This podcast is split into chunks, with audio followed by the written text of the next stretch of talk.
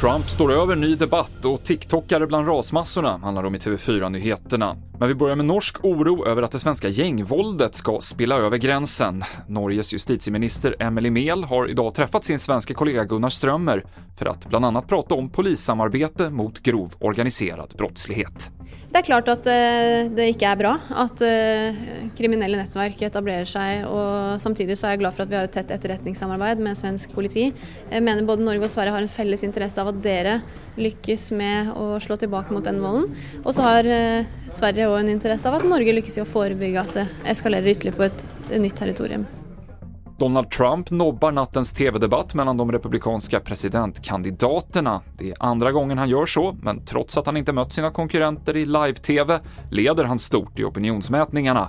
Thomas Kvarnkullen rapporterar från USA.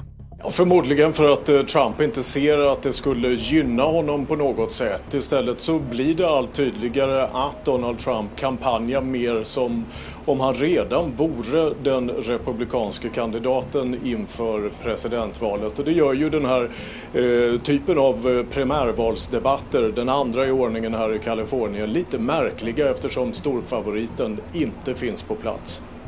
Och ungdomar spelar in TikTok-videor inne i rasområdet vid E6 utanför Stenungsund, trots att det är både olagligt och förenat med fara. Ulf Magnusson, insatsledare vid räddningstjänsten, bekräftade igår att det är problem med folk som tar sig in på området. Ja, det har rört sig folk eh, inom området här och i närheten förbi avspärrningarna, ja. Och vad tänker du om det? Eh, ja, det, det, är ju naturligtvis en risk och det är absolut inte acceptabelt. Och det är ju egentligen ett brott att gå förbi en avspärr, ett avspärrat område. Och, men det hjälper polisen oss med. Och det avslutar TV4-nyheterna med Mikael Klintevall.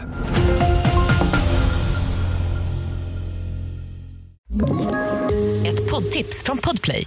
I podden Något Kaiko garanterar östgötarna Brutti och jag, Davva, dig en stor dos skratt.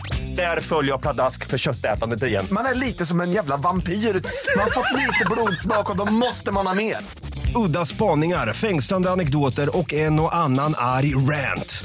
Jag måste ha mitt kaffe på morgonen för annars är jag ingen trevlig människa. Då är du ingen trevlig människa, punkt. Något Kaiko, hör du på Podplay. Därför är gardinerna.